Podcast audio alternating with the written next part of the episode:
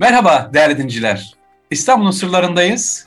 Yine gençlerle İstanbul'da olmak konusunda programımıza devam ediyoruz inşallah. Bakalım bugün Viten'deki gençlerle daha önce birlikte olmuştuk. İstanbul'da ilgili neler biliyorlar? Daha doğrusu biz onlara neler öğreteceğiz? Buradan neler aktarabiliriz? Onları soralım şimdi. Ömer'den başlayalım. Sevgili Ömer, ben ilk sorumu sana soruyorum. Sonra sırayla İrfan, İbrahim, e, Selman ve e, Enes'e soracağım. Birinci sorumuz şu sevgili Ömer. İstanbul'la ilgili merak ettiğin ne var? Şöyle bana sormak istesen. İstanbul'da neyi merak ediyorsun? Nedir diye şöyle aklında neler geçiyor? Fatih Sultan Mehmet e, tam olarak nerede yaşardı o zaman? Çok güzel. Fatih Sultan Mehmet Han İstanbul'u 1453'te fethetti. Fatih İstanbul'a geldiği zaman tabii nerede yaşadı, doğduğu yer neresi? Edirne. Edirne'deki sarayda. Babası 2. Murat. Buradan hep çocukluğundan beri bir ideali var sevgili gençler. Hedefi nedir, ideali nedir? İstanbul, İstanbul'da yattı, İstanbul'da kalktı ve Allah ona nasip etti. Sonra Topkapı Sarayı'nda bugünkü Çinil Köşk denen yerde ilk yaptırdığı yer yani Başbakanlık Dairesi ya da makam olduğu yer orada. Ama durdu mu? Orada mı kaldı? Hayır. Hep sefer üzerine Gebze yakınlarında Avrupa'ya yapacağı seferden dolayı artık Avrupa, e, Anadolu e, çeşitli seferler yapacak. Orada vefat etti daha doğrusu. E, Fatih Sultan Mehmet Han orada şehit oldu. Mezarı da Fatih Camii'nin hemen yanındadır, türbesi daha doğrusu. Demek ki Fatih Sultan Mehmet Han Edirne'de doğdu, İstanbul'da türbesidir. Vefat ettiği yer ise İzmir, Gebze'dedir. İrfan, sen İstanbul'la ilgili var mı merak ettiğim soru? Bakalım bizden ne öğrenmek istiyorsun? İstanbul hakkında bir sorun var benim, milletleri hakkında. Hı hı. Yüzyıllardır onlarca millet beraber yaşadı. Hı hı. Peki aynı huzur, Osmanlı zamanındaki huzur, aynı kardeşlik devam ediyor mu? Durumlar durumları daha çok merak ettim.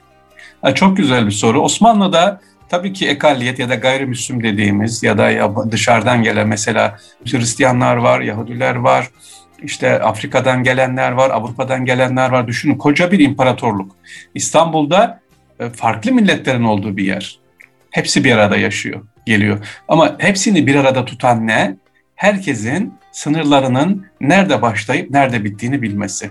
O kadar düzenlenmiş ki işte onun için Kanuni Sultan Süleyman diyoruz. Kanuni. Yani her şeyi bir ilk başta ne yapmış? Disipline getirmiş. Bir fermanda. Fatih Sultan Mehmet Han nasıl yaşanacak? Kıyafetlere kadar söylenmiş.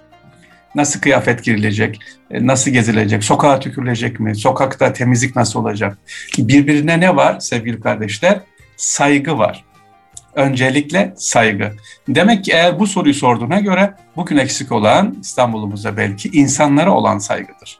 Mozaik değil, mozaik dediğimiz şey nedir arkadaşlar? Bellidir mozaik gördüğümüz zaman. Bir taşlar belli bellidir. İşte siyah taş, kahverengi taş hepsi bellidir. Ama İstanbul'da o dönemde biraz daha ne var? Bir ebru dediğimiz renklerin karışımı var. Ortaya bir çeşit çıkıyor. Bir İstanbullu olmak çıkıyor. İstanbul beyefendiliği çıkıyor. İstanbul dili çıkıyor. İstanbul kültürü çıkıyor. E, o zaman hepsi öyle. Yani bir gayrimüslim bile eğer güzel Türkçe konuşmuyorsa bozuk Türkçe ile konuşuyor. Aa sen kaç yıldır İstanbul'dasın bak Türkçeyi nasıl öğrenemedin? Niye aynı dille konuşuyorsun diye. Onlar da güzel Türkçe konuşurlar, Türkçe öğrenirler. Öğrenmek daha doğrusu bir farklılık, bir güzellik. Kısaca saygı o dönemde daha fazlaydı. İnşallah yeni dönemimizde de bu dönemde de sizlerin sayesinde gençlerimiz, şu anda biz dinleyenler bu saygıyı daha artırırız. Birbirimize olan saygı. Kırmadan, dökmeden. İbrahim senin e, sorun var mı? Sevgili dinleyiciler hatırlatalım. Evet İstanbul'un sırlarındayız. Almanya Witten şehrindeki genç kardeşlerimizle İstanbul'u konuşuyoruz. Şimdi söz İbrahim'de.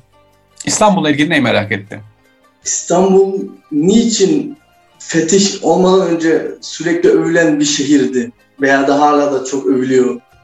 Tahri Bey bunu sormak isterim. Evet çok güzel. En önemlisi İstanbul'un adı aslında baktığımız zaman kaynaklar hep resmi kayıtlarda Konstantiniye geçmiştir. Konstantiniye. Konstantiniye Resul Aleyhisselatü Vesselam'ın övdüğü bir şehir. Konstantiniye elbette fetholunacaktır. Onu fetheden komutan ne güzel komutan demiş. E, Resul Aleyhisselatü Vesselam ona hürmeten Konstantiniye şehri. Efendimiz niye övmüş burayı? E, büyüklüğünden aman devasa binalar var. Çok zengin bir şehir mi? Hayır. Dikkat ederseniz Boğaz içi diyoruz değil mi? Avrupa'ya, Anadolu'ya, Asya'ya açılan bir köprü burası. Yani aslında özelliği şuradan. İslam'ın o güzel ahlakını, yaşayışının aktarıldığı bir vesile, bir araç olarak İstanbul'un güzelliği bu. E, ben şunu anlatmayacağım. Aa işte jeopolitik konumu önemi var. E, işte Üsküdar'ı var, Anadolu yakası var, Avrupa yakası var değil. Burada öses önemli olan nedir? Bakın şimdi İstanbul'u konuşarak size ulaşıyoruz.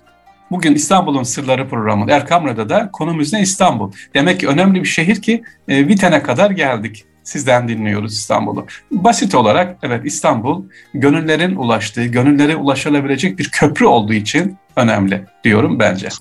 Sevgili Selman var orada ona soralım. Selman ne diyor? Benim sorum İstanbul'da kaç tane kilise var ve kaç tane mesela Almanya'dan ya da Belçika'dan gelen kişi var yurt dışından? Yani turist olarak İstanbul'u gezen çok insanlar var. Devamlı geliyorlar ama İstanbul'da kilise dersen İstanbul'da sevgili kardeşler e, Ayasofya'yı görüyorsunuz. İstanbul'da fetihten sonra sadece Ayasofya hemen büyük cami o büyük bir olduğu için her yerde öyledir bu. Bir yer şehir fethedildiği zaman o yerin en büyük kilisesi camiye çevrilir. Öyle kafamıza göre her kiliseyi camiye çeviremeyiz. Böyle bir şey yok.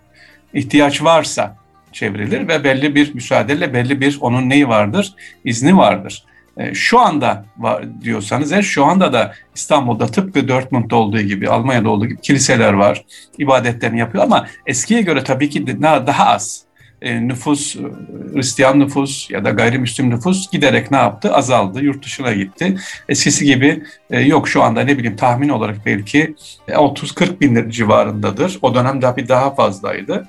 Bulgar Kilisesi var mesela işte Rum Patrikhanesi biliyorsun İstanbul Fener'de. Türk Ortodok Patrikhanesi var Karaköy'de, sinagoglar var İstanbul'da, yani gayrimüslimlere de yakın ya da diğer Hristiyan mezheplerinde mesela kiliseler var. Belli kanunun izin verdiği ölçüde ibadetler, serbest ibadet ayinlerini, ibadetleri ne yapabiliyorlar? Yapabiliyorlar. Tıpkı nasıl Almanya'da camilerimiz açıksa, ibadet yapılabiliyorsa burada da aynı şekilde ibadetlerini yapabiliyorlar. Peki son orada kim var? Bir soru daha var soracak. Enes soracak. Enes senin İstanbul'la ilgili merak ettiğin var mı? Yok. İstanbul'da geldiğin zaman mesela neyi görmek istersin? Topkapı Sarayı hiç duydun mu? Anlatılmasını ister misin? İstanbul'dan.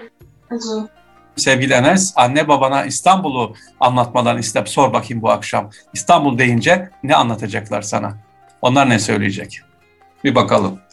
Peki sevgili dinleyiciler programımız İstanbul'un sırlarındayız. Gençlerimiz Almanya, Witten şehrindeki Türk gençleriyle beraberdik. İstanbul'u konuştuk biraz ve diyoruz ki kapatmadan önce sevgili Almanya'da bulunan sevgili kardeşlerimiz, anne babalarımız lütfen çocuklarımıza İstanbul olmayı anlatalım. Bakın çok güzel sorular sordular.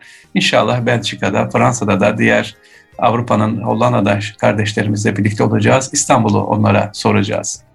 Hepinize teşekkür ediyoruz sevgili gençler. Enes, Selman, İrfan kardeşim, Ömer kardeşim, İbrahim kardeşim. Allah'a emanet olun. Kolay gelsin. Teşekkür ederiz. Hayırlı yayınlar. Sağ olun.